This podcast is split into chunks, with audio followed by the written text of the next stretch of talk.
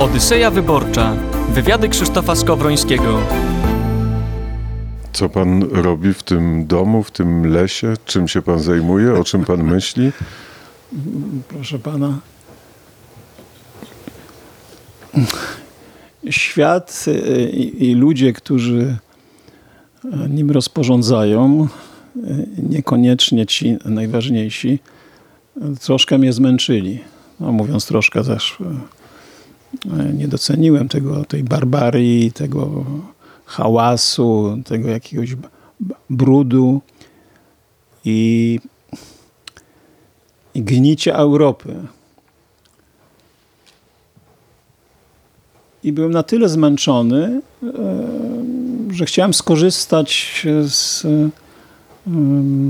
faktu, że mam gdzie się schować, przynajmniej troszeczkę, prawda? Oddalić, odosobnić. Oczywiście, jeżeli ktoś e,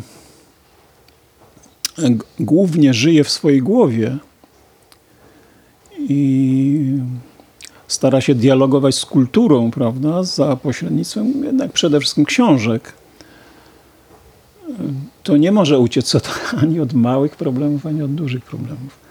Ale to fizyczne oddalenie od e, nacisku miasta, od nacisku masy ludzi też jednak coś daje. Już nie mówiąc o tym, że y, lepiej się tu fizycznie poczułem, nie tylko psychicznie, prawda? Bo, bo jestem ciężkim alergikiem. I, I, jak znalazłem się tutaj w lesie, no bo jednak mam las z czterech stron domu, to przestałem mieć objawy, gdzieś po półtora roku już przestałem mieć objawy alergii i mogłem troszkę bardziej spokojnie żyć. Poza, poza hałasem, tłumem, e, to czym jeszcze pana zmęczyli ludzie, którzy pana otaczali? Wie pan, e, tak jak wspomniałem, e, sama Europa, czyli to środowisko, które uważam za własne, tak, niewątpliwie przeżywa upadek. Ten upadek można opisywać na wiele różnych sposobów i z różnych punktów widzenia, ale z każdego z nich widać, że to jest upadek jest e, degrengolada e, demograficzna, jest degrengolada Europy, e, całej Europy. Nawet nie dzieląc na Unię Europejską i na kraje, które pozostają z takiego czy innego powodu na zewnątrz, niewątpliwie punkt ciężkości świata przeniósł się już, już je przeniósł, nie przenosi, już się przeniósł gdzie indziej, prawda? Następnie można powiedzieć, że e, Europa w większości ma już za sobą e, zerwanie z Bogiem, prawda? Mówi się już od dawna i pisze, że, że żyjemy w epoce postchrześcijańskiej. Ja jestem głęboko związany z e, wiarą katolicką i z Pismem Świętym. I to jest też dla mnie ogromne, e, złe przeżycie. Patrzenie, jak Europa e, za pomocą swoich, czy pod światłym przywództwem swoich elit, nie tylko zerwała z chrześcijaństwem, nie tylko wyparła się chrześcijaństwa, ale zajęła się prześladowaniem chrześcijaństwa i chrześcijan, prawda? E, jeżeli ktoś jest e, świadomym katolikiem i e, jakby potwierdza w swoim życiu wierność wobec wartości, które niesie chrześcijaństwo, rzymski kościół, dziesięcioro przykazań, no to jest człowiekiem drugiej lub trzeciej kategorii, prawda? I to jest też e, niewątpliwie, patrząc na historię kultury europejskiej, zerwanie z chrześcijaństwem jest jakimś absurdem. Bo cała kultura chrześcijaństwa, e, kultura europejska jest e, zbudowana na tym fundamencie i treścią tej kultury przez setki lat było przesłanie Jezusa Chrystusa, które teraz jest wyśmiewane i postponowane, rugowane z edukacji, prawda, i tak dalej, i tak dalej. Ale co jest y, przyczyną, a co jest skutkiem? Czy najpierw nastąpiło zerwanie z chrześcijaństwem, pozbycie się Boga, czy najpierw nastąpił kryzys, a potem w wyniku tego kryzysu przestaliśmy wierzyć? Wie pan, e,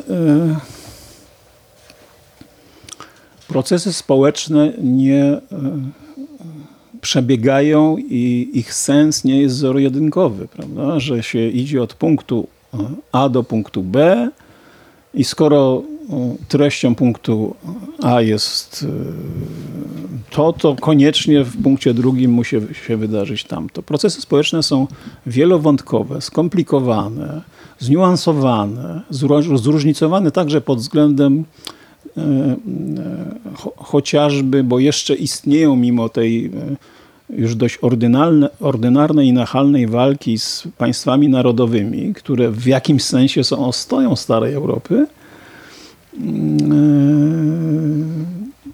to jednak i mimo tego, że Unia Europejska funkcjonuje już tyle lat i nawet my w, nim, w niej już jesteśmy jak, jako część Europy Środkowo-Wschodniej też już ładnych parę lat, to różnice między poszczególnymi państwami, narodami prawda, i kulturami są istotne. Prawda? Oczywiście, że jeśli weźmiemy e, do naszych rozważań kontekst właśnie e, wiary i roli, roli religii w życiu indywidualnym i zbiorowym, wspólnotowym, e, no to te procesy obecnie przebiega, przebiegają niezwykle szybko, prawda? Ja obawiam się, że w Polsce laicyzacja będzie przebiegała w tempie irlandzkim, a nawet, Jedno pokolenie. a nawet chociaż nie, nie. Byłem, byłem arcypesymistą jakiś czas temu i sądziłem, że my pobijemy rekord Irlandii. Tyle, że e, e, nie tyle ten, ten, ten e, los kościoła irlandzkiego, który już przestał istnieć, prawda?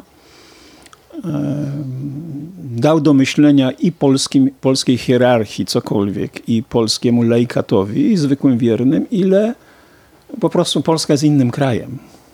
O, o innej tradycji. Są pewne analogie. Oni byli podbici przez Anglików, no ale jednak okupacja angielska no, em, różni się od, od niemieckiej i rosyjskiej, prawda? To są dwie najlepsze okupacje, bym powiedział. Na, na najbardziej doskonałe wcielenia e, wyniszczania e, podbitego ludu, jego to- tożsamości, możliwości rozwojowych, perspektyw i zakłamywania historii. Więc e, te ciężkie doświadczenia z jednej strony naruszyły naszą siłę i odporność, ale z drugiej strony, jak to zwykle bywa w, w, w narodach, w społeczeństwach, na inne części e, naszej wspólnoty e, oddziaływała jak szczepionka.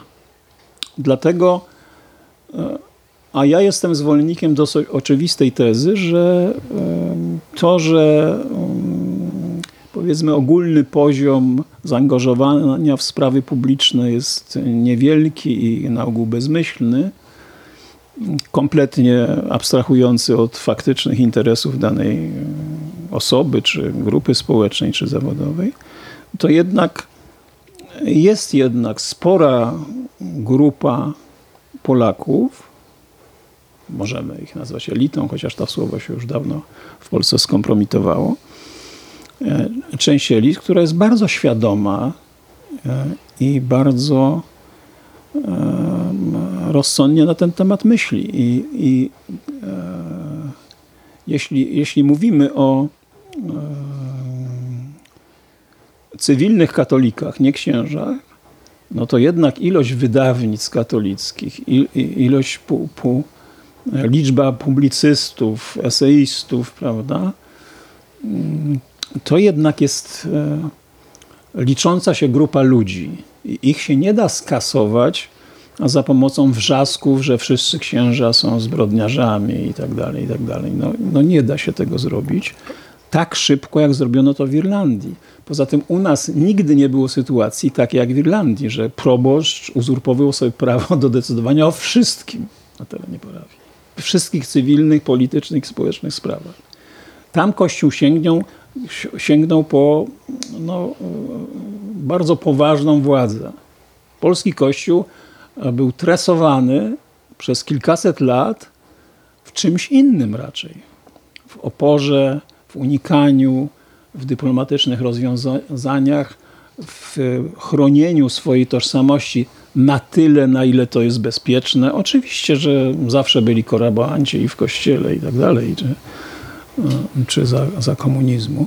Wiadomo, jak się episkopat polski zachował po aresztowaniu e, błogosławionego kardynała prymasa Wyszyńskiego. No, no, strasznie się zachował, prawda?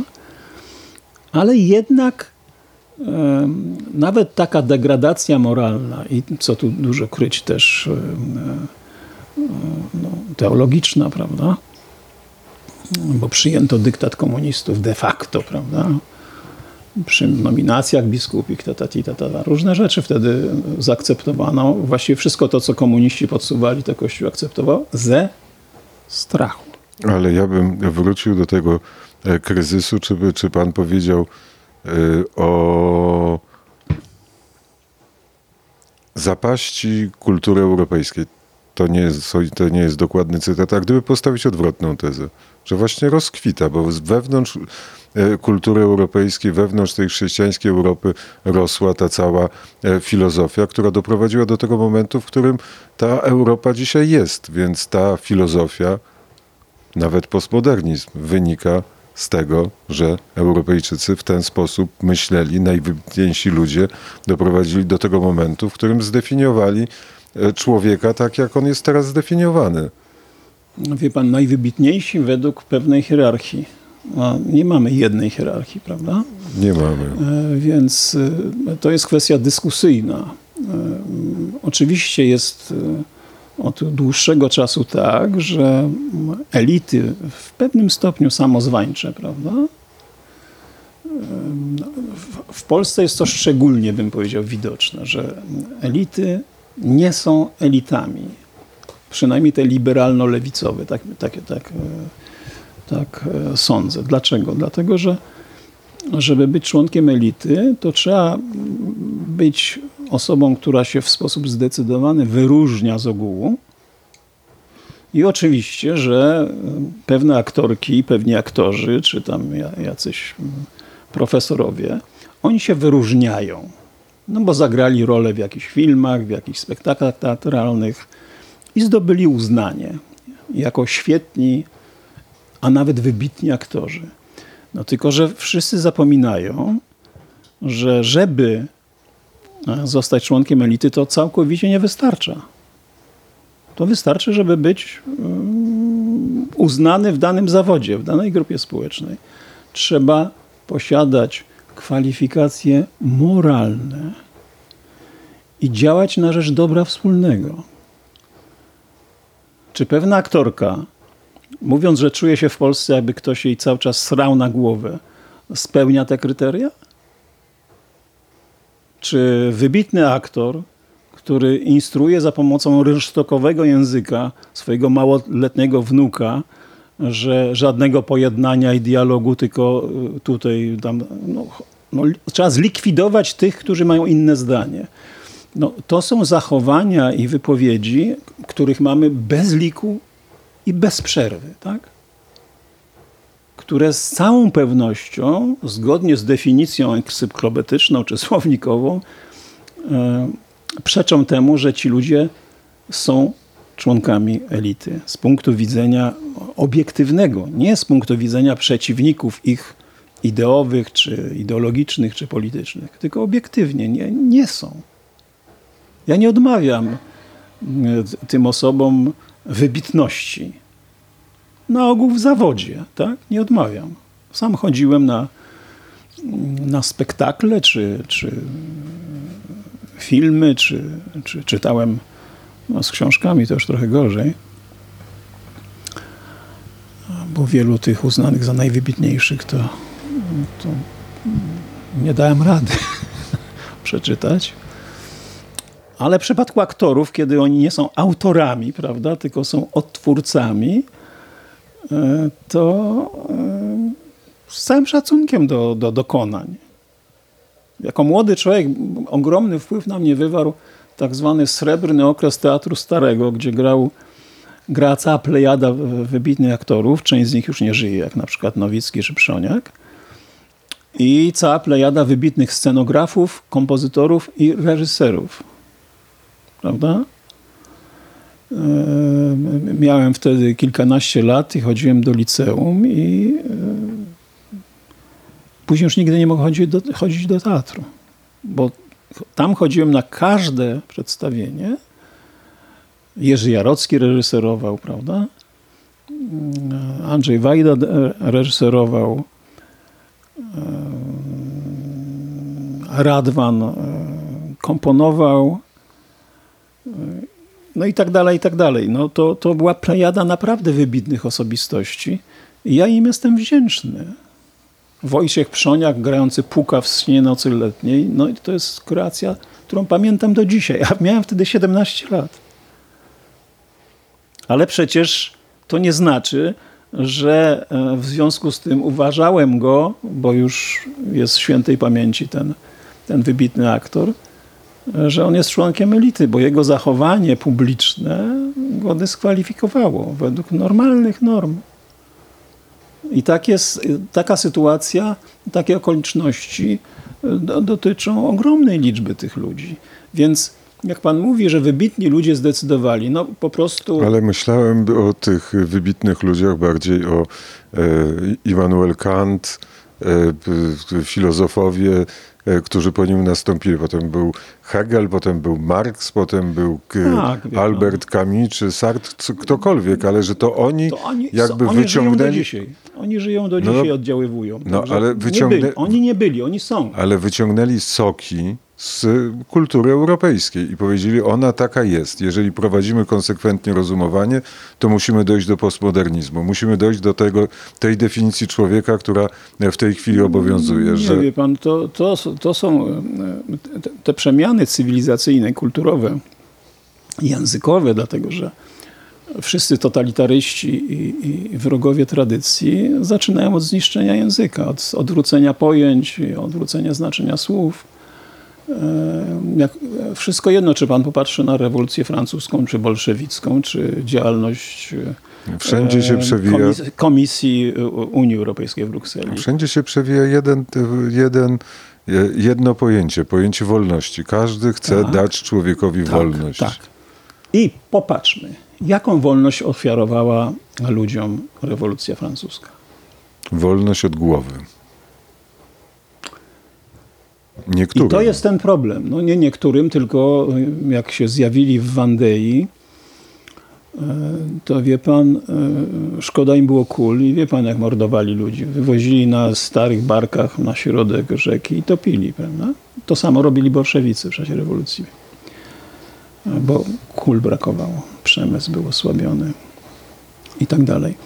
Więc problem jest bardziej skomplikowany. Nie chodzi wyłącznie o Marksa i jego spuściznę ideową, jego zapłodnienie du- du- ducha ludzi, którzy chcieli dążyć do postępu i chcieli pomagać maluczkim. Jeszcze się taka organizacja czy, czy środowisko nie narodziła w historii Europy, która głosząc, że chce pomagać najuboższym ludowi, wyzwolić ten lud od wyzysku, zapewnić mu godne życie, zrealizowała te postulaty,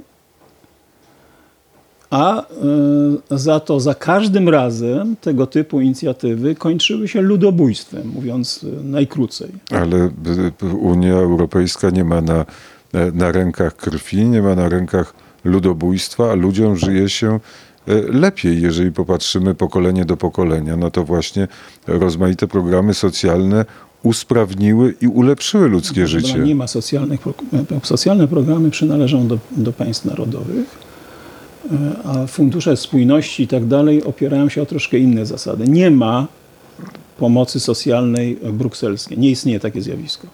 Ale zostawmy to, to jest szczegół, nie wart de- debaty. Natomiast e, e,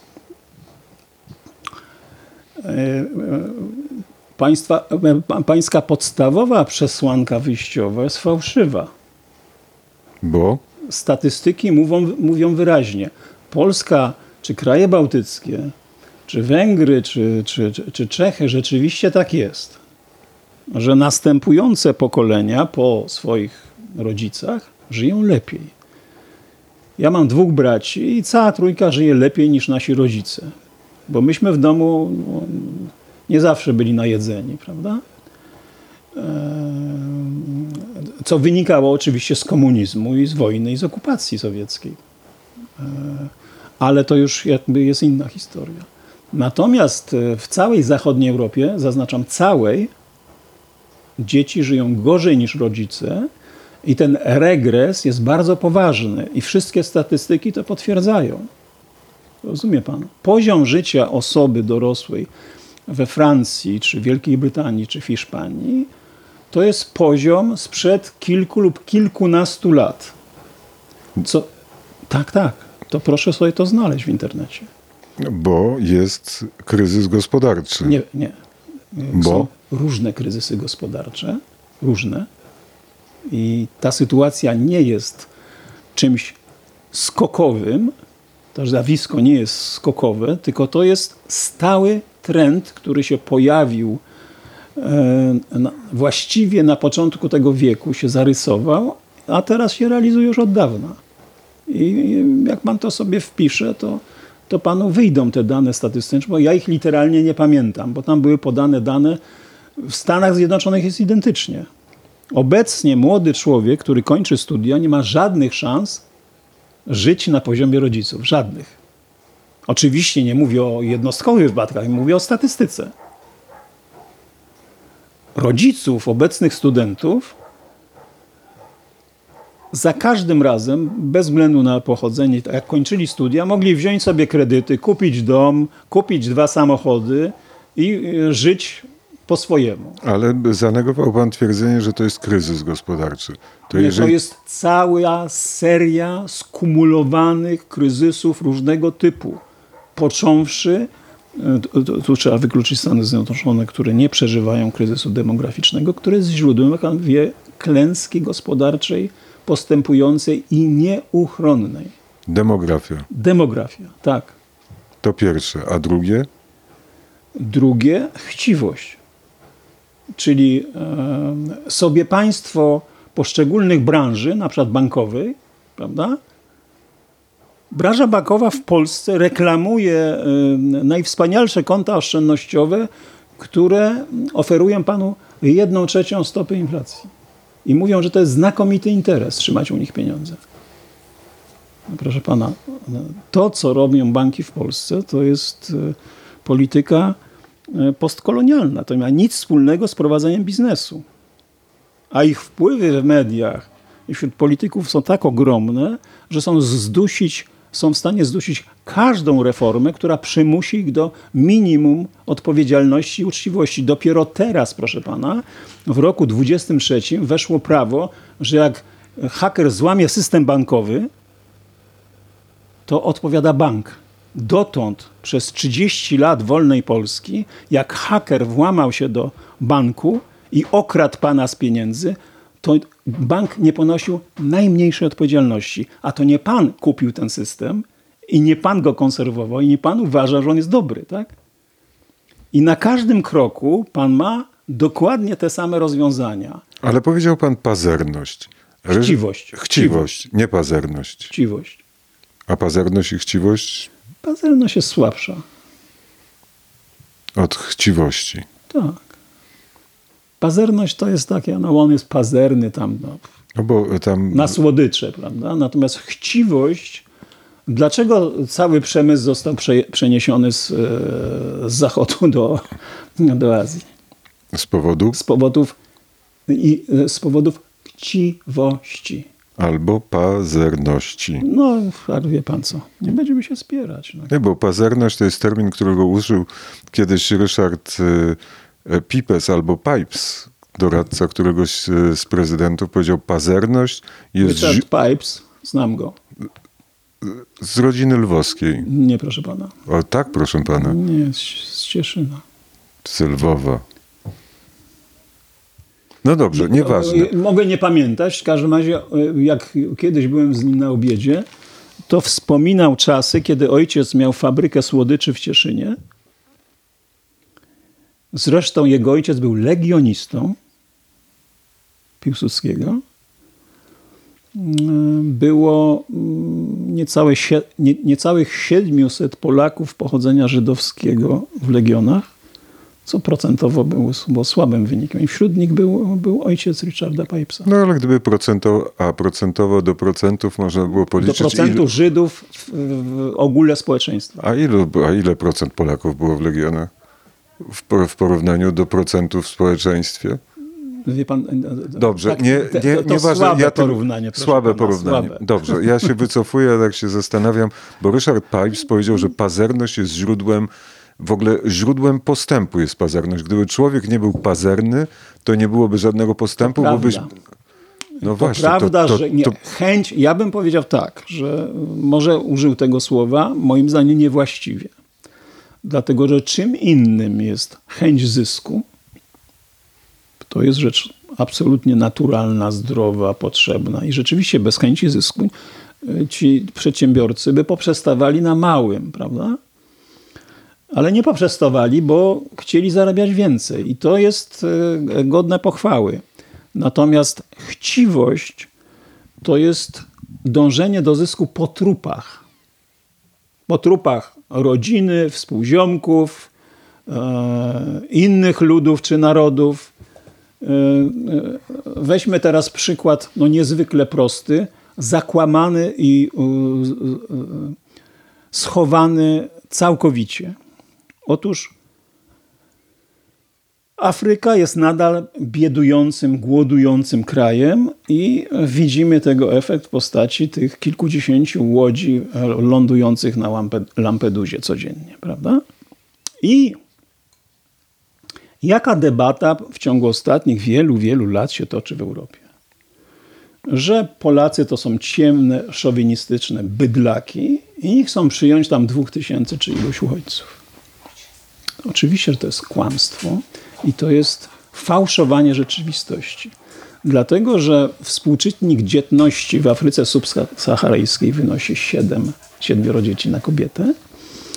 I według y, e, demografów sama Nigeria za lat chyba 35 będzie miała tyle ludności, co Europa dzisiaj. Sama Nigeria. Owszem, to jest największy kraj w Afryce, ale jeden kraj. Dużych krajów, zapominamy czasem, że tam małych krajów jest na palcach jednej ręki, można powiedzieć. Tam są wyłącznie duże kraje, ale jest spora grupa krajów, które są duże także pod względem ludnościowym. Etiopia ma 100 milionów ludzi, Egipt 100 milionów ludzi i dzietność tam jest niesamowita. Więc to, że Afryka połknie Europę i Europa stanie się subkontynentem afrykańskim, przez tyle lat była subkontynentem azjatyckim, ale Azjaci nie są w stanie połknąć Europy. Chiny się starają połknąć gospodarczo, ale w sensie demograficznym, kulturowym, religijnym Europa będzie subkontynentem afrykańskim i nie ma od tego ucieczki. Dlaczego? Dlatego, że Afryka jest na poziomie XIX wieku. Tam nie ma dróg, nie ma lotnisk, nie ma infrastruktury żadnej, nic nie ma. Dlaczego? Dlatego, że państwa kolonialne e, pilnują, żeby tak było. Płacą, e, płacą jakimś wataszkom, którzy mianują się prezydentami czy tam komendantami danego kraju e, i, i następnie zatrudniają miejscowych murzynów, żeby motykami wydobywali diamenty, czy tam lit, czy e, e, dziesiątki innych niezwykle cennych surowców ładują je, albo budują lotnisko wyłącznie dla siebie, albo ładują do samochodów i jadą, albo do he- helikopterów i lecą gdzieś tam.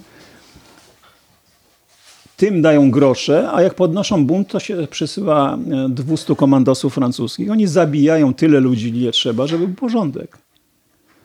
Unia Europejska uważa, że przeszkodą do rozwiązania problemu uchodźców są nacjonalistyczne reżimy typu Kaczyńskiego.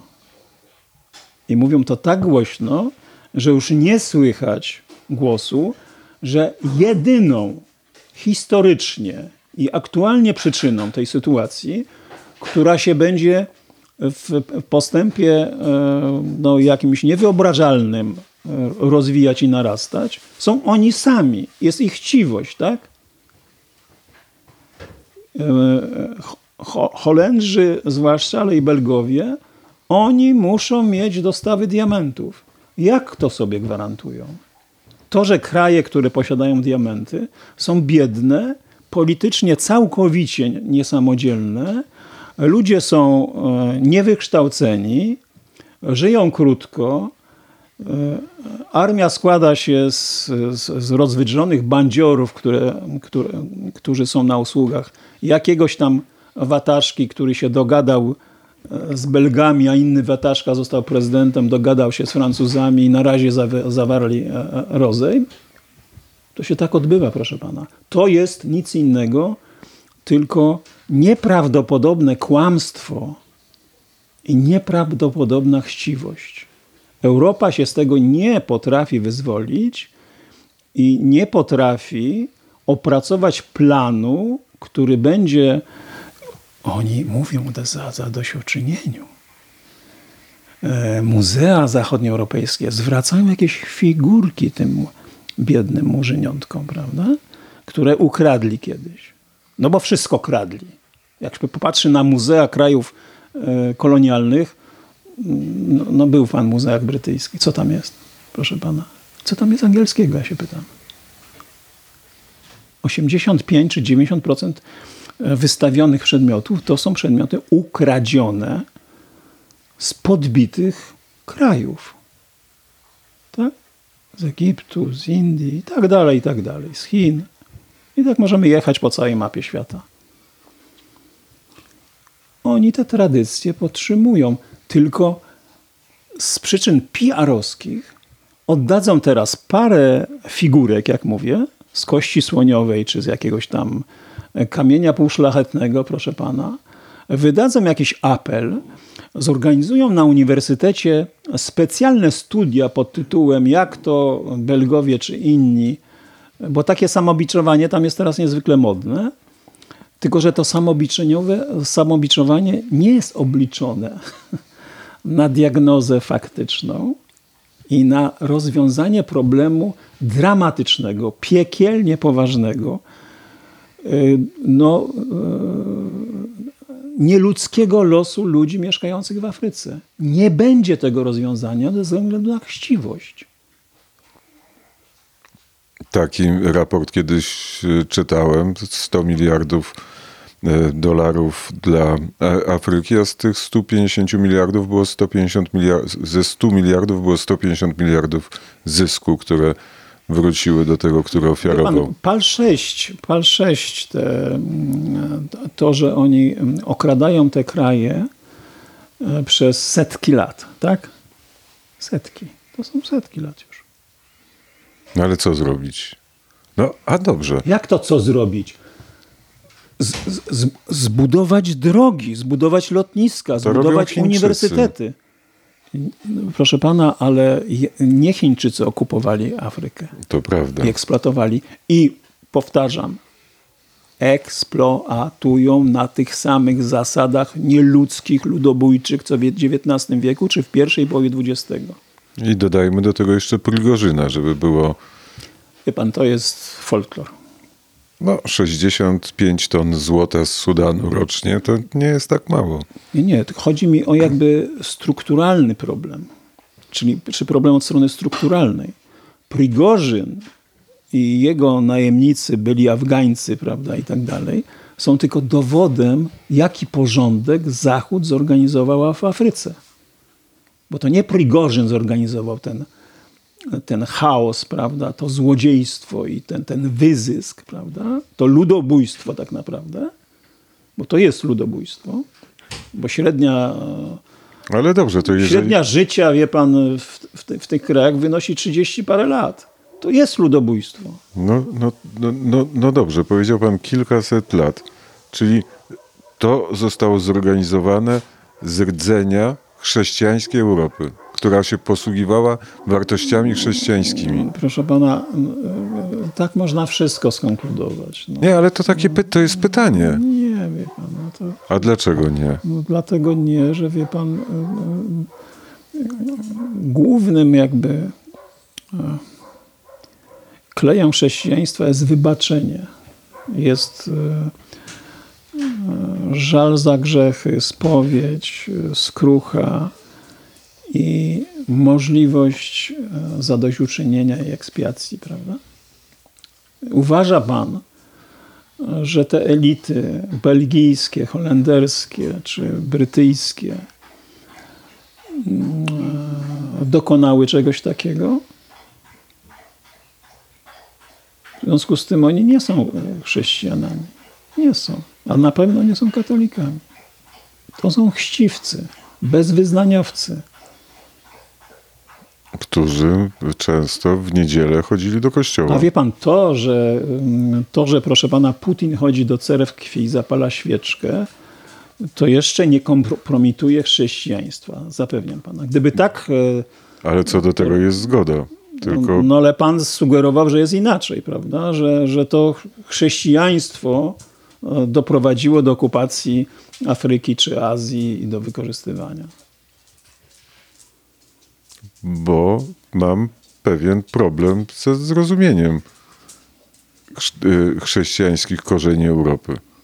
Mam. No, 313, rok 313, dekret Konstantyna o wolności religijnej, a potem 380 dekret o tym, że jest jedno wyznanie i to jest y, kościół no tak, chrześcijański Tylko wtedy. Po, po pierwsze, wie pan, e, mówimy w tej chwili Znaczy, by- by- było, o czasach nowożytnych, prawda? Nie mówimy o 313 roku czy 303 roku, tylko o czasach nowożytnych.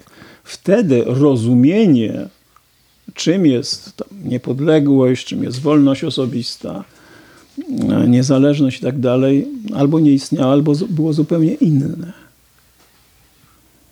I mm, no jest szalenie niebezpieczne myślenie prostymi analogiami.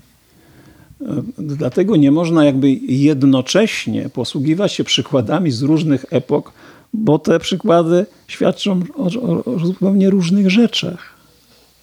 Czy pytanie jest takie, czy może nie było tej chrześcijańskiej Europy? nie, nie była, proszę pana, była.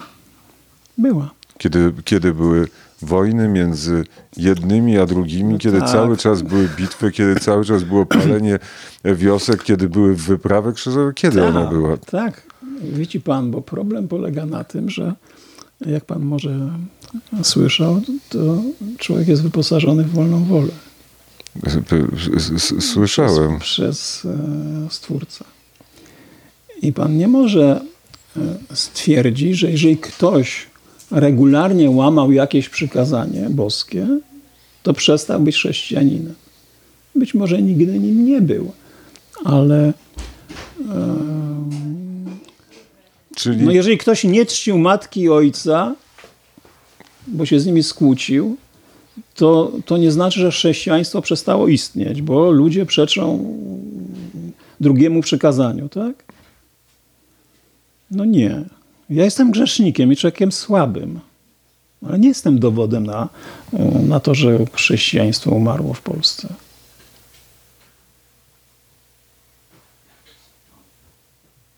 Mi się wydaje, że staram, oprócz tego, że jestem słabym i grzesznym człowiekiem, to staram się e, przeciwnie.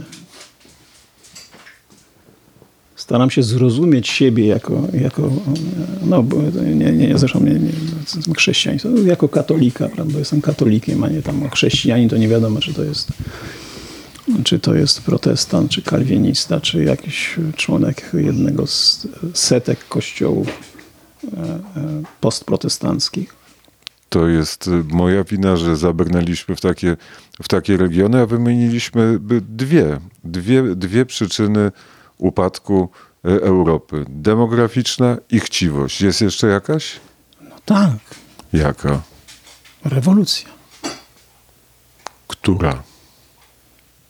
trwająca od czasów rewolucji francuskiej, nieustająca rewolucja, której za każdym razem celem jest odebranie wolności człowiekowi i e, zbudowanie nowego człowieka. Dlatego, że jak e, Lenin mówił o nowym człowieku, czy jakiś ideolog prawda, bolszewicki, to cytował przywódców rewolucji francuskiej. No ale te rewolucje się skończyły. Nie, proszę pana. A gdzie trwa rewolucja? Ano, wszędzie, no, w całym świecie zachodnim. I Jak, jaka? No jak to jaka? No jaka? A ile jest płci, proszę pana? Dwie. Nie. Według rewolucjonistów, którzy decydują w legislaturze, e, w ośrodkach naukowych i politycznych, nieograniczona. Bo był taki moment, kiedy facet w parlamencie europejskim e, wyliczył 56 płci. Zanim się przewodnicząca tych obrad parlamentarnych zorientowała, że on sobie kpi, prawda? Bo on zamiast wygłosić przemówienie, to zna pan ten, to, to wydarzenie. To on wi witał wszystkich przedstawicieli wszystkich możliwych które już wtedy były zarejestrowane i uznawane za oczywiście istniejące. No są- Następnie doszliśmy do ponad 200 płci, proszę pana. A teraz już okazało się, że płeć jest w mózgu. Czyli płci jest tyle, ile opinii ludzkich. No i co nam to właściwie przeszkadza? Wie pan, każde działanie, bo to jest działanie, to jest działanie. Jeżeli pan powie swojemu dziecku w kraju zachodnim, że chce zabrać to dziecko do lekarza, ponieważ to dziecko zaczęło twierdzić, że jest małą suczką Pekińczyka, no to przejęty ojciec z matką no, chcą się udać do psychiatry, prawda? Mogą za, za to dostać w wielu krajach już 3 lata. Za e, skłanianie osoby, która twierdzi, że jest, e, nawet nie chcę teraz mówić, jakiej jest płci chwilowo, od wczoraj, bo jutro będzie kimś innym, za skłanianie jej, żeby się e, spróbowała zdiagnozować, zdiagnozować i sobie pomóc, dostaje się wyroki. No dobrze, może... Wyroki, proszę pana, więzienia. No ale może... I pan mówi, że panu to nie przeszkadza. Ale może to jest... No tym, którzy e, Ale może to... chcieliby pomóc tym ludziom, którzy mają e, mózgi wyprane przez tą propagandę, Ale może to jest wolna wola. A Nie, co panu pana. przeszkadza, że e, na przykład ktoś uważa się za Pekińczyka? Nie, niech sobie pana. się uważa za, Nie, nie. niech sobie Gdyby szczeka. się wszystko opierało na tym, że wolno panu uważać o sobie, co pan chce, gdyby tu następowała kropka w debacie publicznej, w mediach, na uniwersytetach, w ośrodkach naukowych, w, na akademiach medycznych i tak dalej, i w organizacjach międzynarodowych, to byłoby ok. Tylko proszę pana, jak pan ma inne zdanie, to pana z pracy wyrzucają dyscyplinarnie z dnia na dzień, tak? No bo nie chce, nie, nie chce pan uznać e, wolności Ale drugiego to znaczy człowieka. wolność jest tylko dla niektórych, tak? No, Dla a- tych, którzy się zgadzają z tezą, że płeć jest w rozumie, a płeć biologiczna nie istnieje. Czyli wolność jest dla tych, którzy uważają tak, a jeżeli ktoś ma inne zdanie, to ta wolność nagle No dobrze, a w takim razie jaka jest szkoda społeczna takich? No szkoda jest taka, że wie pan, gdyby sprowadzić wszystkie cele rewolucji do jednego, to ja bym powiedział, że nawet likwidacja języka jako, jako narzędzia do komunikacji opartej o fakty i o prawdę jest mniej istotne i tym najważniejszym celem ostatecznie jest likwidacja rzeczywistości. Rozumie pan? Likwidacja rzeczywistości. Wszystko ma się odbywać na zasadzie tego, że ktoś coś powie i to, co ktoś powie, jest wcieleniem wolności i tolerancji i wszyscy muszą to powtórzyć, a ci, którzy nie powtórzą, to won. Z pracy, Ale to, Z bardzo, uniwersytetu. ale to bardzo pięknie pan to nazwał, bo pan jest poetą. Likwidacja rzeczywistości. ja tego nie wymyśliłem, że to oczywiste, to każdy widzi, prawda? Widzi to, jest co, je, widzi to, co jest, a nie to, czego nie ma. Kazimierza Brandysa, prawda? Który, e, jak już się koniunktura na bycie stalinowcem i zamordystą skończyła, to napisał książkę Nierzeczywistość i wydał ją w podziemiu. Ale oni sami rozumieli, że o to chodzi, prawda? Ale to uważa pan, że e, ta e, nowomowa, którą, której bardzo strzegł i którą tworzył e, Stalin, ma jakąś analogię do tego, do tej nierzeczywistości, która jest konstruowana? Każda rewolucja, proszę pana. Ale, ale tu nikt nie ma rewolucji. No wszyscy chodzą na Coca-Colę i na lody. To gdzie ta rewolucja? Proszę pana. Nikt nie ma bicza, nie ma pałki, nie ma karabinu. To, że ludzie mają, e, że czasy się zmieniły, zmieniły się też narzędzia rewolucji, zmieniły się sposoby konkurowania między narodami, grupami nacisku, lobby przemysłowego czy finansowego. To, się wszystko, to wszystko się zmienia w tempie niezwykle szybkim. Nie tylko techniki wojenne się zmieniają, a może inaczej, w związku z tym, że wszystko jest wojną, nie tylko strzelanie z haubicy, to nie tylko broń na współczesnym froncie, co widzimy na Ukrainie, podlega niezwykle szybkiej ewolucji. Rola bezzałogowych urządzeń wojskowych, nie tylko latających, prawda, ale pełzających i tak dalej,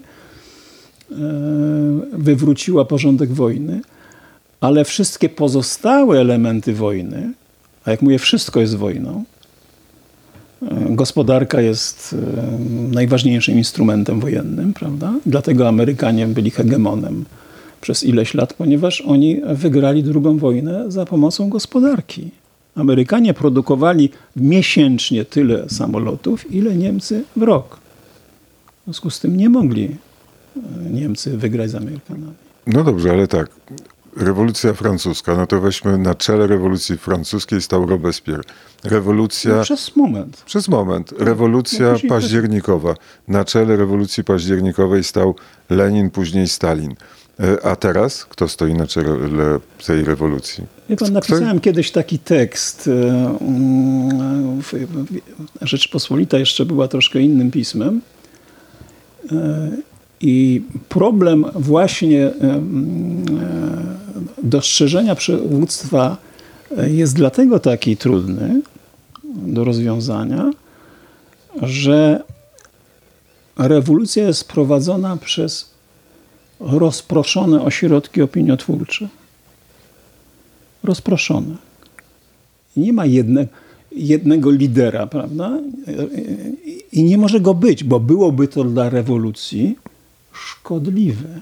Łatwo byłoby nazwać tych, którzy dowodzą, tych, którzy wykonują. Łatwiej byłoby z nimi walczyć. Natomiast w tej chwili mamy jakiś kongres gdzieś tam, na przykład w afrykańskim mieście, gdzie się zjeżdżają organizacje związane z, nie wiem, tam jakimiś dziesiątkami płci, prawda? Gdzie indziej są organizacje powiązane em, przez e, fundatorów siecią niewidoczną gołym okiem, prawda? Na pewno ciekawa była, byłaby siatka finansowania przez Sorosza instytucji różnych pozarządowych i zapewne rządowych na całym świecie. I takich ośrodków, które wydają dyspozycje, oczekują czegoś, ci, którzy biorą od nich pieniądze, to też wiedzą, że za to dostaną, za to nie. Tak kiedyś mój e, młodszy syn e, chciał dostać grant od e, Uniwersytetu Jagiellońskiego na jakieś tam badania. Powstało Muzeum Armii Krajowej w Krakowie i tam coś, jakiś był projekt, żeby coś opracować i spopularyzować, bo on nie jest naukowcem, tylko raczej popularyzat- popularyzatorem. No więc pani, która była członkiem tej komisji grantowej, powiedziała, wie pan co, jeżeli pan uwzględni polski antysemityzm i antysemityzm Armii Krajowej, to pan grant ma gwarantowany. A jak nie, to wynocha. Tak to się odbywa bez względu na to, czy pieniądze są publiczne, międzynarodowe, prywatne, fundacyjne i tak dalej, i tak No dobrze, ale jest odpowiedź na pytanie, zna pan po co to wszystko się dzieje? Jaki jest cel tego? Wie pan, no jaki jest cel? Już panu powiedziałem. Ale Mamy do czynienia, e, no, no, opiszę taki, taki proces.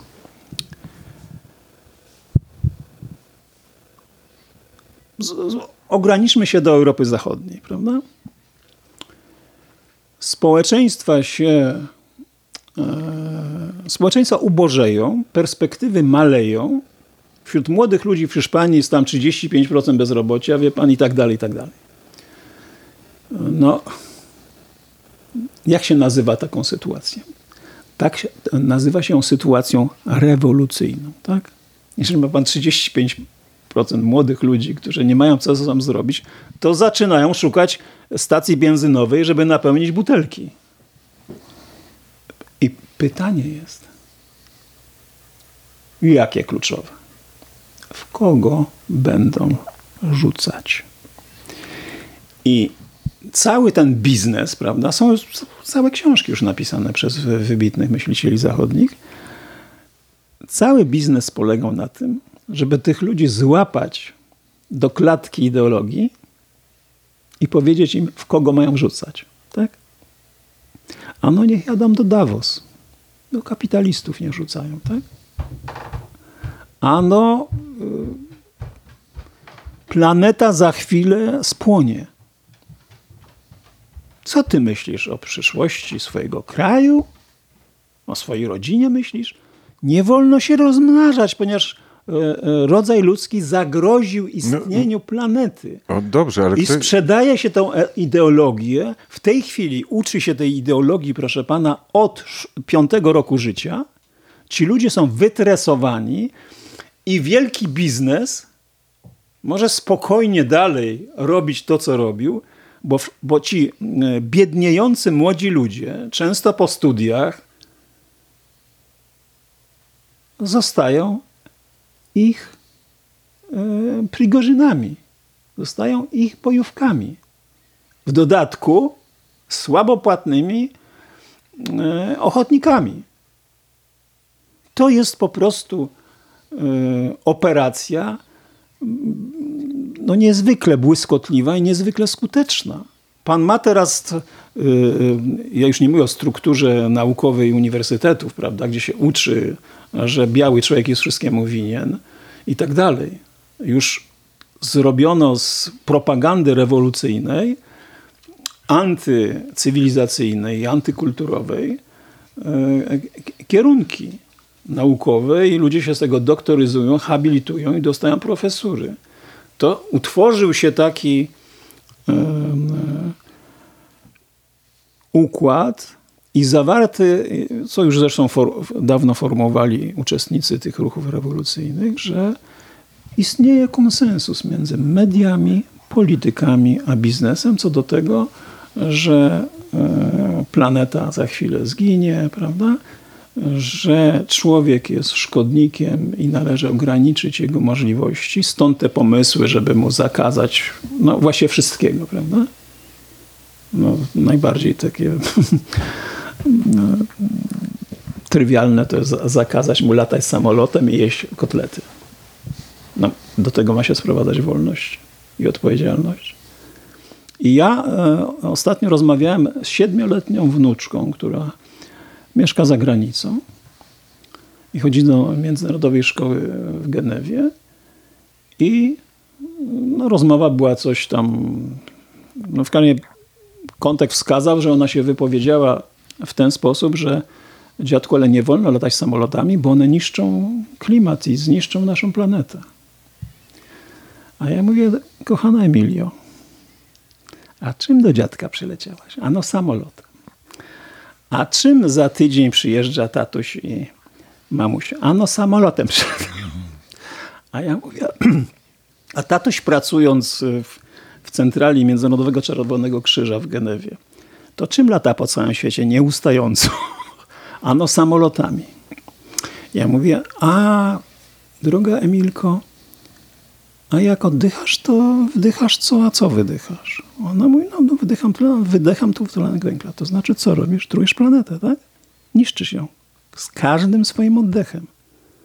A teraz kolację jemy, to ci, co wyprodukowali tą żywność, to no co robili? No niszczyli planetę, tak? Krowy produkowały metan w ogóle i oddychały. I głowa pracuje. Bardzo mam mądre te wnuki, te, te tamtejsze. I skończyła się rozmowa czym? Musimy, dziadku, chronić planetę. Nie wolno nam oddychać. I zamykała sobie tak usta, jakby kłódką, prawda? Nie wolno nam oddychać, bo zniszczymy planetę. A później razem z bratem starszym o dwa lata i ze mną, żeśmy robili demonstrację postępową, krzycząc: Trujemy planetę! Oddychamy codziennie! Ale te dzieci są tresowane w ten sposób.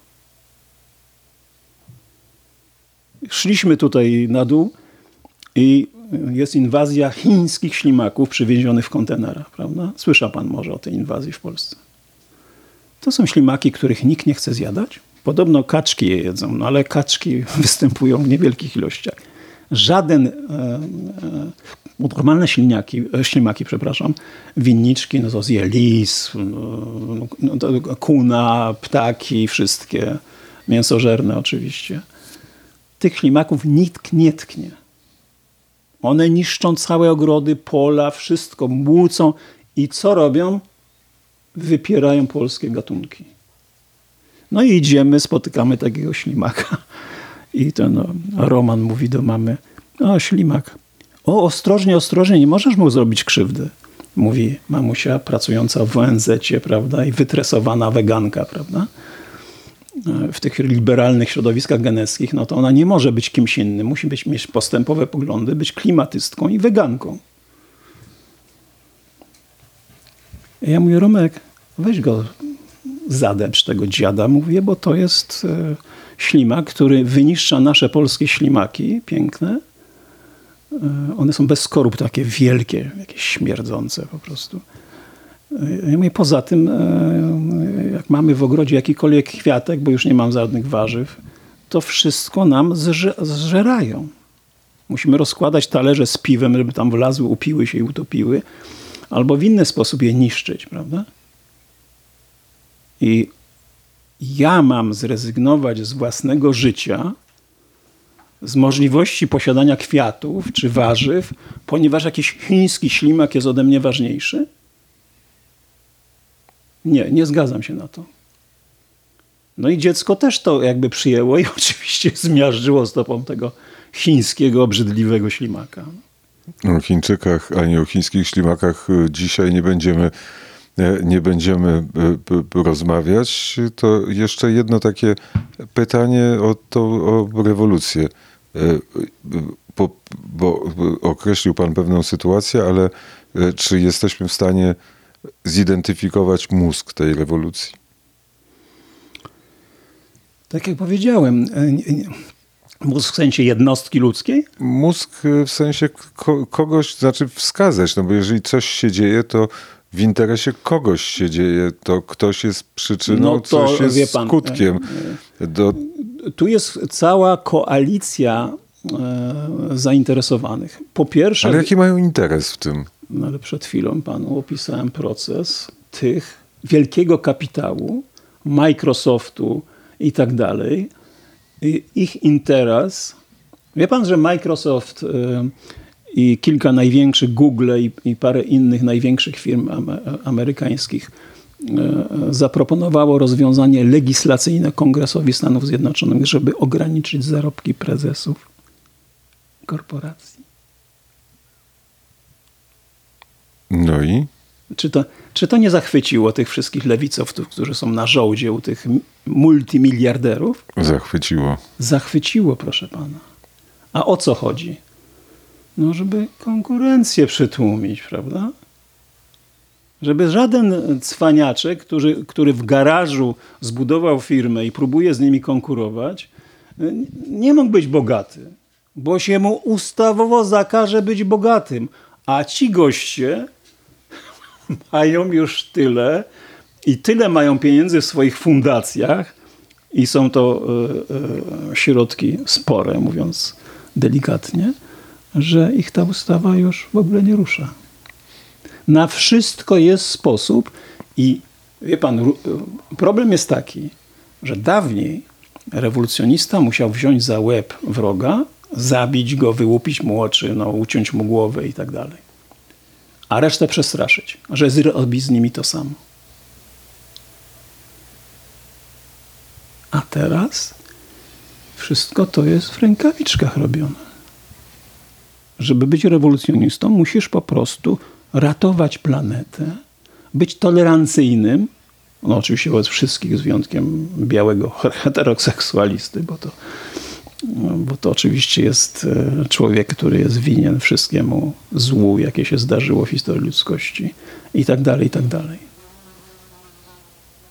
Chyba lepiej jest. Zresztą pan jest tym zachwycony, że tu już nie ma łagrów i tak dalej. Najwyżej pozbawią pana, tak jak nauczyciela, wie pan, grupa e, e, e, dziewcząt w szkole, w gimnazjum jakimś. Także to były dzieci. I nauczyciel zwrócił się zbiorczo, drogie dziewczęta, do nich. A jedna z tych panienek uważała się za kogoś innego,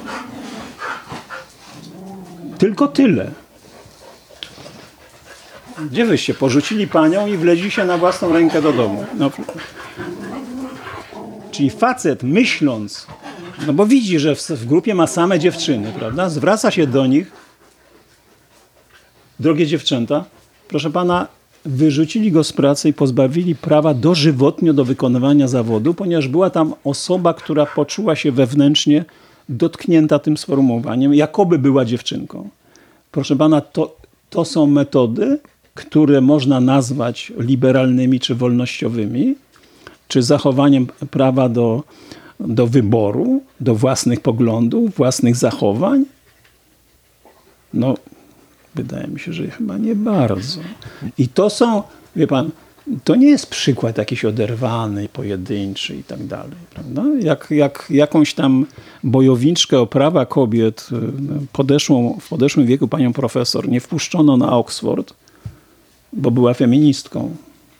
Czyli co robiła? Broniła praw kobiet. Nie, proszę pana. Poniżała i obrażała wszystkich tych, którzy posiadając penisy i inne urządzenia, czuli się kobietami. Bo to oni są ważniejsi od kobiet w kontekście obrony praw kobiet. Owa pani profesor, znana ze swoich feministycznych, skrajnych poglądów, e, lewaczka, nie została wpuszczona, żeby wygłosić wykład. I wtedy inna lewaczka i feministka w dzienniku Guardian, to było w czasie pandemii, ja śledziłem wtedy te rzeczy, bo musiałem robić różne notatki na zlecenie wydawcy, napisała w obronie artykulik.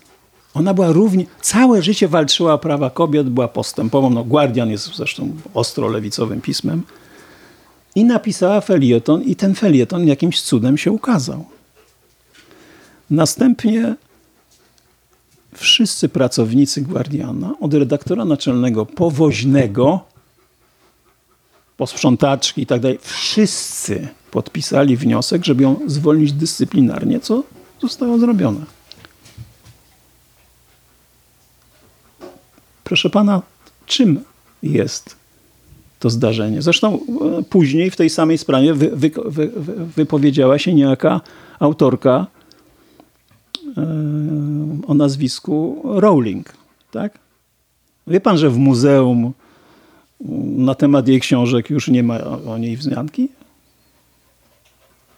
Wszystkie, jak to się teraz mówi ładnie, artefakty zostały usunięte, jakie miały związek z autorką książek. No to jak pan się czuje, kiedy, kiedy słyszy pan e, e, stwierdzenie, że e, Ukraina broni wartości europejskich?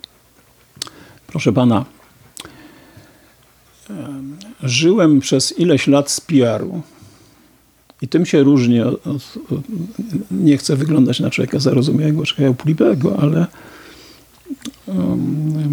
między dostrzeganiem mechanizmów i przesłanek, skutków, prawda, przyczyn, a y, tym hałasem PR-owskim i lobbystycznym jest zasadnicza różnica.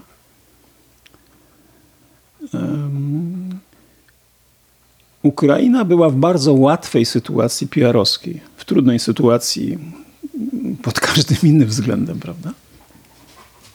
Ale pod względem PR-owskim było, była w niezwykle łatwej sytuacji, dlatego że Rosja uruchomiła tak nieprawdopodobne zasoby e, takiej czarnosecinnej propagandy antyukraińskiej, całkowicie wymyślonej z brudnego palca, a przy okazji dokonując e, nieustająco e, aktów ludobójstwa, wożąc ze sobą krematoria w ogóle i e, mając systemowe, systemowe rozwiązania dotyczące sal tortur prawda, i narzędzi w tych salach tortur. No, trudno z nimi było przegrać spór o to, po jakiej stronie się opowiedzą światłe społeczeństwa zachodniego świata. Tak? I oni do tego używali dość oczywistych argumentów, że oni są przed murzem Europy, prawda? I, tak. I to wszystko jest w jakimś stopniu prawda. No bo jest, no bo Ukraińcy e, cokolwiek by... bardzo lubią być pieszczone pieski. Cokolwiek by o nich nie powiedzieć, bo mają swoje wady i zalety, no jednak bronią państwa, w którym dokonywane były demokratyczne wybory, prawda? w którym społeczeństwo bez względu na swoje kwalifikacje i poziom rozumienia mechanizmów demokratycznych i, i po, bez względu na poziom poczucia republikanizmu, no jednak nie są nie, Ukraina nie była i nie jest satrapią nie jest państwem autokratycznym, które morduje swoich przeciwników politycznych i tak dalej. No tak, ale przez godzinę opisujemy kryzys Europy, tak? Tak. I teraz prezydent Zełęński mówi, musimy zrobić bardzo szybko rozmaite rzeczy, żeby jak najszybciej rozpocząć negocjacje akcesyjne Ukrainy do Unii Europejskiej, jak najszybciej przejść ścieżkę, żeby być częścią Unii Europejskiej. Poruszamy się po różnych płaszczyznach. Możliwe teraz. Po różnych płaszczyznach. I czym innym jest y, płaszczyzna debaty na temat y, postchrześcijaństwa w Europie i czym innym są wypowiedzi Chantal del Sol, a czym innym jest, y, są wypowiedzi rzeczników prasowych czy ministrów kraju, który jest w stanie wojny. Prezydenta. No są, czy prezydenta wie pan, to są różne płaszczyzny debaty, różny poziom komunikacyjny w tym sensie, że wypowiedzi te mają różne cele. Tu celem jest pozyskania opinii zachodnich społeczeństw, żeby wspierały swoje rządy, żeby przysyła jeszcze trochę czołgów, a nie diagnoza stanu e, kultury, świadomości, obyczaju i prawa e, zachodniej Europy. Wyobraża pan sobie, że Zełenski by wyszedł, po, poza wszystkim jest liberałem, prawda? Poza wszystkim może nie do końca mm, jakby zauważa i rozumie te wszystkie procesy, które się w Europie Zachodniej już odbyły, prawda? Ale na, odstawiając to na bok, on ma się teraz zająć pouczaniem Europejczyków, że są kiepskimi Europejczykami, że plują na chrześcijaństwo, na swoje korzenie i tak dalej, że zajmują się wymyślaniem e, tysięcy płci, że wprowadzają legislację, gdzie człowiek, e, że matka z ojcem mają obowiązek finansować samodzielne mieszkanie od 16 roku e, życia dziecku, które powie, że rodzice są zamordystami. A za stwierdzenie publiczne we Francji, że aborcja może przynieść negatywne może przynieść negatywne skutki dla życia i zdrowia kobiety. Wie pan, jaki jest wyrok? Trzy lata. Za proste stwierdzenie, że aborcja może przynieść negatywne skutki. Nie, że na pewno przyniesie, czy coś takiego, że może przynieść. Zupełnie e, inaczej sobie wyobrażałem naszą rozmowę. Tym się, ma, tym się ma zająć Zełenski, przemawiając w parlamentach europejskich. Że on Nie. walczy o, o przetrwanie, o przeżycie. On musi się tym krajom podlizywać. Nie ma wyjścia, chłop. Zupełnie inaczej. Nie jest filozofem, tylko jest politykiem. Wybrano go po to, żeby uratował Ukrainę. Zupełnie inaczej sobie wyobrażałem naszą No, rozmowę, ale to bo pan zadaje pytania. tak, Ja ale jestem od pana uzależniony. więc y, powiem, dlaczego się tu zjawiłem. Bo Bo przeczytałem, przyjeżdżał pan z Krynicy. bo przeczytałem książkę Ślady krwi. I pomyślałem sobie, że warto porozmawiać o Polsce.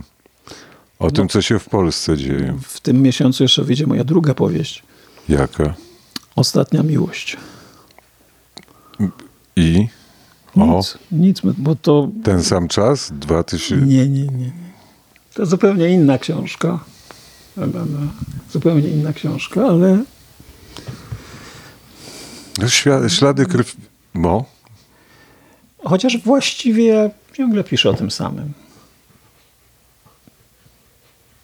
Staram się podtrzymywać dialog wewnątrz kultury. Staram się udowadniać tezę, że nikt nie umarł, kto myślał, a zwłaszcza ten, który myślał i pisał. I że wszystko jest dla nas równie ważne, czy to miało miejsce 5 tysięcy lat temu, czy, czy wczoraj. I że dopóki rozmawiamy w ten sposób, dlatego napisałem kiedyś książeczkę Rozmowy z Różewiczem, prawda? Teraz napisałem e, książkę poetycką Rozmowy z Bertoldem Brechtem, bo uznałem, że problem niemiecki jest bardzo istotny, a Bertolt Brecht skupia w sobie z jednej strony te elementy rewolucyjnej i lewicowej świadomości, bo on całe życie był komunistą i aż do śmierci, prawda? No bo po wojnie z emigracji nie wrócił do demokratycznej części Niemiec, tylko do NRD, prawda? Za co został sowicie nagrodzony w postaci e, teatru na wyłączność, prawda? Berliner Ensemble. A jeszcze e, patrząc, jak e, historia została ostatecznie odwołana przez współczesnych Niemców, prawda? W- Podczas ostatniej rocznicy zakończenia II wojny światowej kanclerz Schrott dziękował aliantom za wyzwolenie Niemiec. No, doszliśmy do takiego etapu zakłamania i fałszowania, że, że trudno się nawet do tego jakoś ustosunkować. Ale wszystkie te problemy od tego wyparcia, czym były Niemcy w historii Europy, a zwłaszcza w XX wieku, przez tą chorobliwą lewicowość e, i, i, i, i wieczną wierność e, rewolucji,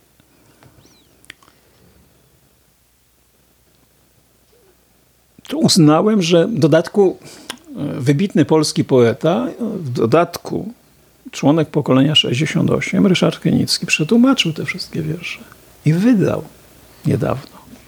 No to wydanie teraz tej książki też było jakimś aktem e, czy uczestnictwem w debacie publicznej, prawda? I to wszystko skłoniło mnie do tego, żeby e, nie wiem ile tych wierszy tam napisałem, ale e, napisałem cały cykl, większy znacznie niż te wiersze, które, w których dialogowałem z Różewiczem, że to wszystko są niezwykle ważne problemy. I, I książka, którą, którą e, napisałem w ostatnim czasie, bo to jest no, taka solidna powieść o 400 stron druku, jest w gruncie rzeczy też o tym samym. O tym, co się dzieje z Europą, co się dzieje z ludźmi, e, jak sobie nie dajemy rady z własnym prywatnym życiem, ale co się dzieje z tym, tym środowiskiem ideowym i kulturowym i społecznym, które nas otacza i współtworzy. Ślady krwi. Wybitna powieść. Nie wiedziałem w ogóle, że tyle słów jest w języku polskim.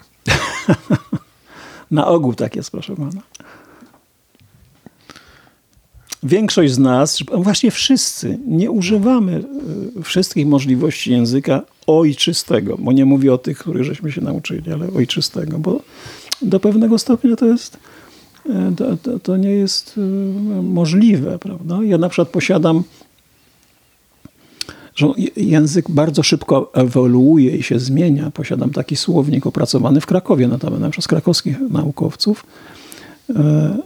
Słownik zaginionej polszczyzny. I tam jest 50 tysięcy haseł, których w druku, czyli słów polskich, których w druku od 100 lat już nie użyto. Bo badano wyłącznie to, co zostało zapisane. No nie da się badać mowy potocznej, zwłaszcza tej wstecz, prawda? I są tam tak piękne rzeczy, bo czasami desygnat zginął i słowo wyszło z użycia, prawda? No bo używa się już innych przedmiotów, urządzeń, no, zmieniają się obyczaje, inne są wymogi, prawda?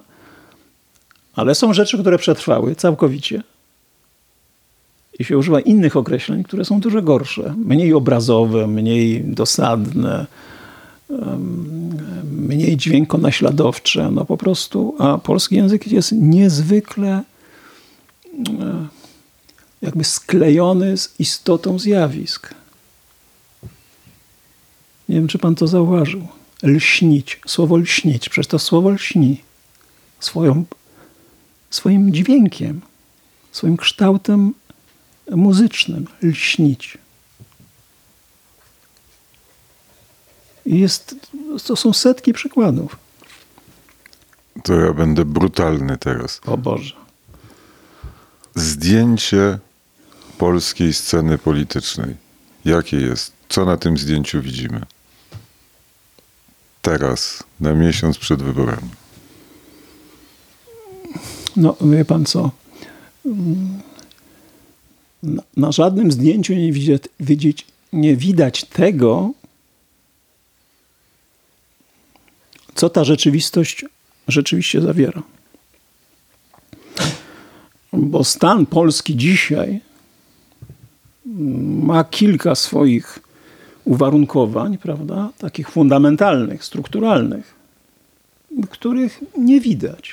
Bo jak pan popatrzy na dzisiejszą Polskę czysto zewnętrznie, na przykład ktoś był w Polsce 20 lat temu, ostatnio nas odwiedziła żona e, świętej pamięci Fryderyka de Cas, takiego hrabiega francuskiego, który inwestował w czasie. Trockista, który stał się polskim nacjonalistą. Bardzo ciekawa ewolucja ideowa. Patrząc na to, co lewica i liberałowie robią, to z trockisty stał się, no jak mówię, no, prawicowcem i patriotą polskim, chociaż pochodził z, z, no, z bardzo zasłużonej starej rodziny arystokratycznej francuskiej. I ona powiedziała, Janku, ależ ta Polska po prostu rosła, że to taki wspaniały kraj. No bo ona tu była w pierwszej połowie lat 90., gdzie, no, gdzie no, z gazet ludzie sprzedawali, prawda? I nazywali się kupcami. Na chodniku kładli gazetę, rozkładali tam jakieś badziewie i to sprzedawali. I jak się popatrzy, wie pan, e, ja tu do kościoła w latach 80., jak podjeżdżałem samochodem, bo miałem starego Fiata 125, to po pierwsze nie było parkingu, po drugie były trzy samochody. Teraz jest gigantyczny parking, na którym się nie mieszczą samochody i właściwie wszystkie są lepsze i nowsze od mojego. Więc jak się na to popatrzy, to, to, to, to wszyscy myślą, no wspaniale się rozwijamy, bogacimy się, życie jest łatwiejsze i to wszystko prawda. Tylko jednocześnie Polska jest krajem, o którym się mówi, że należy, że należy do zagranicy.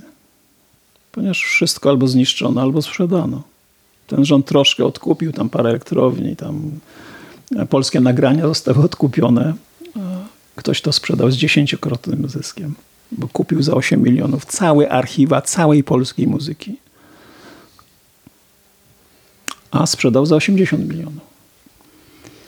Więc pan, tylko to są ewenementy. Normalnie e, patrząc, jakby, jak to się wszystko odbywa, no to mm, jak ja czytam polski przemysł motoryzacyjny, znowu tam urósł, eksport wzrósł. No przecież nie, nie istnieje polski przemysł motoryzacyjny. Nie istnieje polski przemysł motoryzacyjny. Jedyny polski przemysł motoryzacyjny jest przemysłem e, niewielkim, i to są firmy, które produkują podwozia pod rakiety czy inne tam, prawda? Ten Jelcz, tam Kutno, jeszcze jedna czy dwie, Sanok ocalał. ale normalna fabryka jakichkolwiek samochodów ciężarowych, autobusów, czy, bo była polska fabryka autobusów, ale jest już hiszpańska, prawda? nie istnieje. Więc my jesteśmy krajem, który w tej chwili e, próbuje odzyskać sterowność. Nie odzyskał jeszcze sterowności, próbuje odzyskać. Jest to bardzo trudne, bo jest masa tych uwarunkowań. Po pierwsze, nie kontrolujemy tego, co się w tym kraju dzieje. Po drugie, jesteśmy ubezwłasnowolniani w sposób bardzo bezczelny przez Brukselę. A po trzecie, 300 lat tradycji, które, które no, okupacji i budowania tu agentury spowodowały, że mamy część osób bardzo chętnych, żeby oglądać się na jakiegoś pana prawda, zewnętrznego. No to jest 300 lat tradycji. Prawda? Jak Piotra Wielkiego zapytano, co robić w kontekście elekcji w Polsce, gdzie konkurował, jak wiadomo, Sas i, i, i, i francuski książę, to e, Piotr Wielki, który właśnie wyjeżdżał na turnę po zachodniej Europie, bo głównie interesowała go budowa krętów, e, powiedział nie żałować pieniędzy na agenturę. To miało miejsce dosyć dawno, prawda? I mniej więcej od końca XVIII wieku ta agentura w Polsce jest, była i jest budowana. I to, to też jest jedna z tych okoliczności, która nam szalenie utrudnia odzyskanie samosterowności, ponieważ nie istnieje mm, takie pole kompromisu, które by można nazwać bardzo ogólnie racją stanu. Nie istnieje. Prawda? No, obserwujemy to, co było robione, prawda?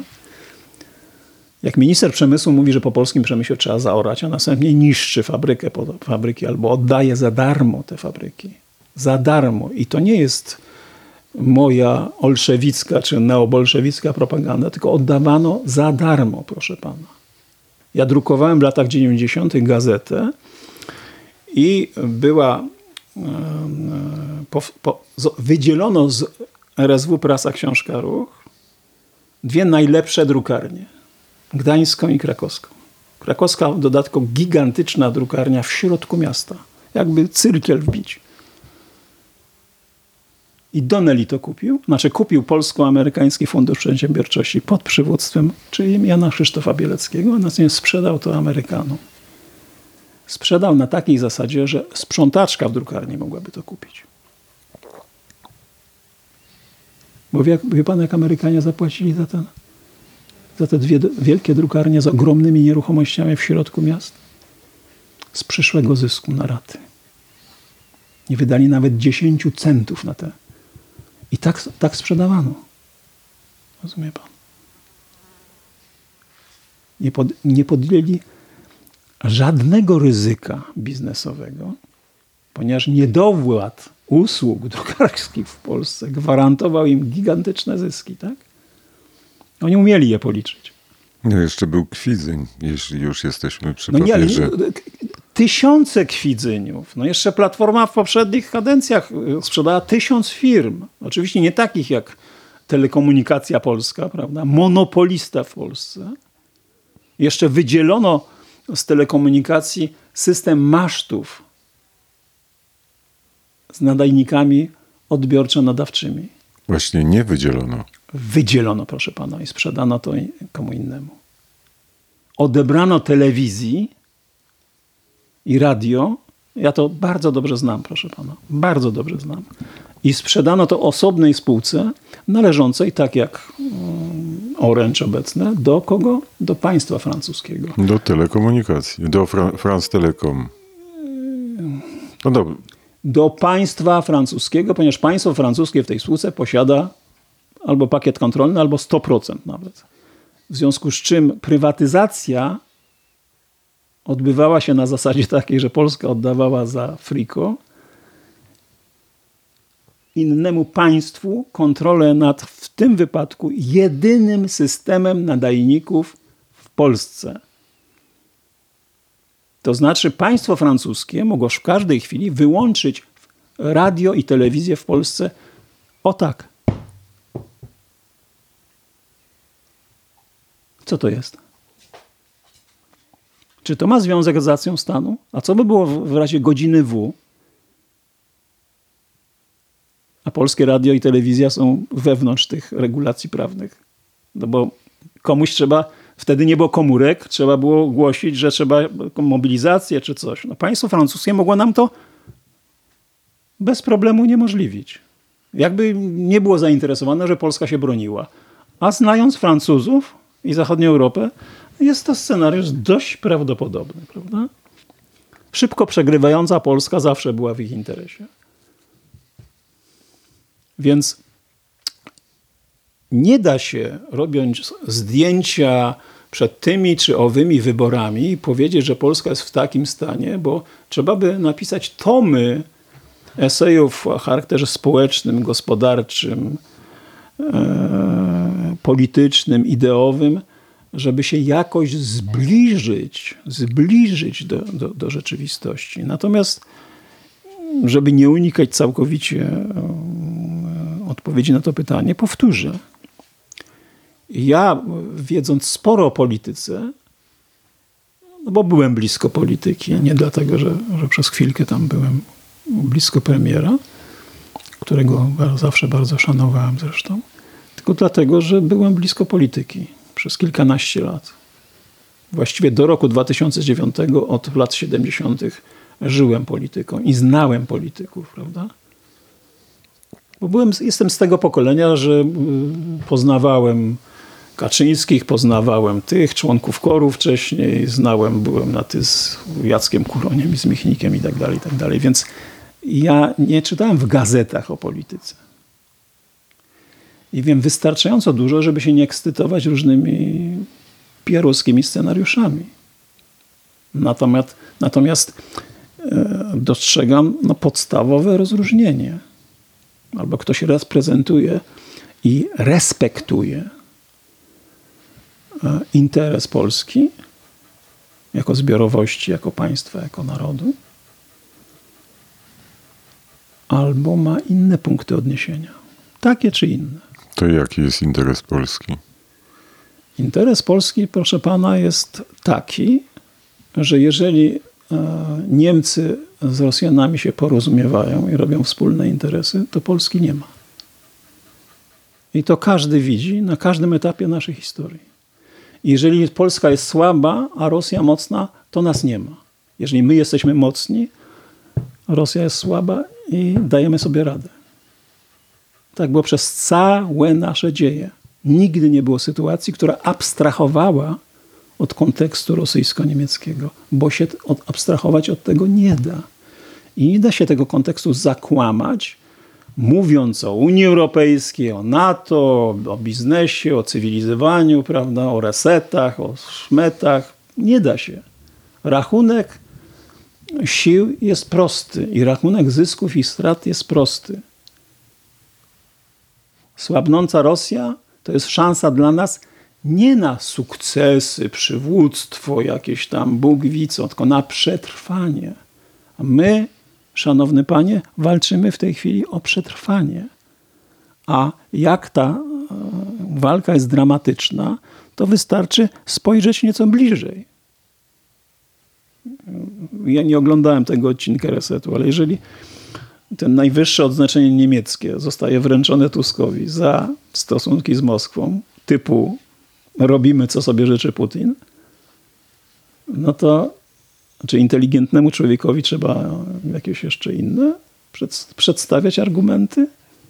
Czyje interesy mogą być realizowane w Polsce niezgodne z, z polskim interesem i e, pozbawione jak to najprościej można powiedzieć, elementarnej lojalności od własnego narodu, własnej tożsamości i własnej historii. Bo tu jest kwestia elementarnej lojalności. Nie nabijamy narodu w butelkę, że damy mu to czy tamto, zapłacimy mu więcej, obniżymy podatki, tylko chodzi o lojalność. W taki czy inny sposób wasze interesy będą przez nas pieczołowicie i troskliwe, i zaopiekowane. I są w Polsce całe partie, gdzie gardzi się polskością, wręcz gdzie okazywanie tej pogardy i taki wyścig szczurów, kto bardziej na Polskę napluje, jest elementem em, służącym chwale i sukcesowi tych, tych pań i tych panów. Przecież to widać, prawda? Przecież to chamstwo tych różnych mm, członków i członkiń elit, ono się nie wzięło nagle, to nie wypączkowało z ziemi e, jak deus ex machina. To był cały długi proces, e, który ma swoje ko- korzenie, wie pan, e, w historii dalekiej, budowania właśnie tego, mówiąc najdelikatniej, dystansu do polskości. Zna pan Syzyfowe prace? Ta książka powinna być obowiązkową lekturą dla wszystkich Polaków, co chodzą do szkoły, tylko powinna być właściwie interpretowana. Bo przecież to książka jest o tym, że zabrano Polakowi młodemu tożsamość i wsadzono mu ruską mentalność do łba, tak? A dzisiaj co się odbywa? Tylko nie na poziomie okupacyjnej szkoły, tylko na poziomie, proszę pana, zwielokrotnionym w internecie, w telewizji, prawda?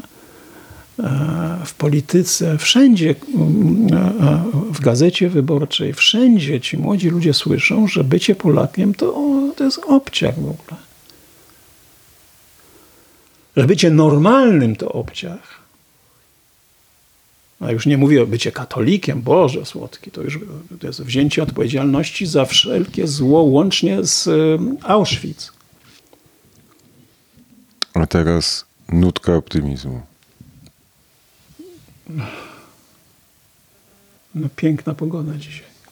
Dziękuję I jutro też ma być. A nie, jutro ma się zepsuć. Także to z pogodą mi nie wyszło z tym optymizmem. roz... Dziękuję za rozmowę. Bardzo proszę. Odyseja Wyborcza. Wywiady Krzysztofa Skowrońskiego.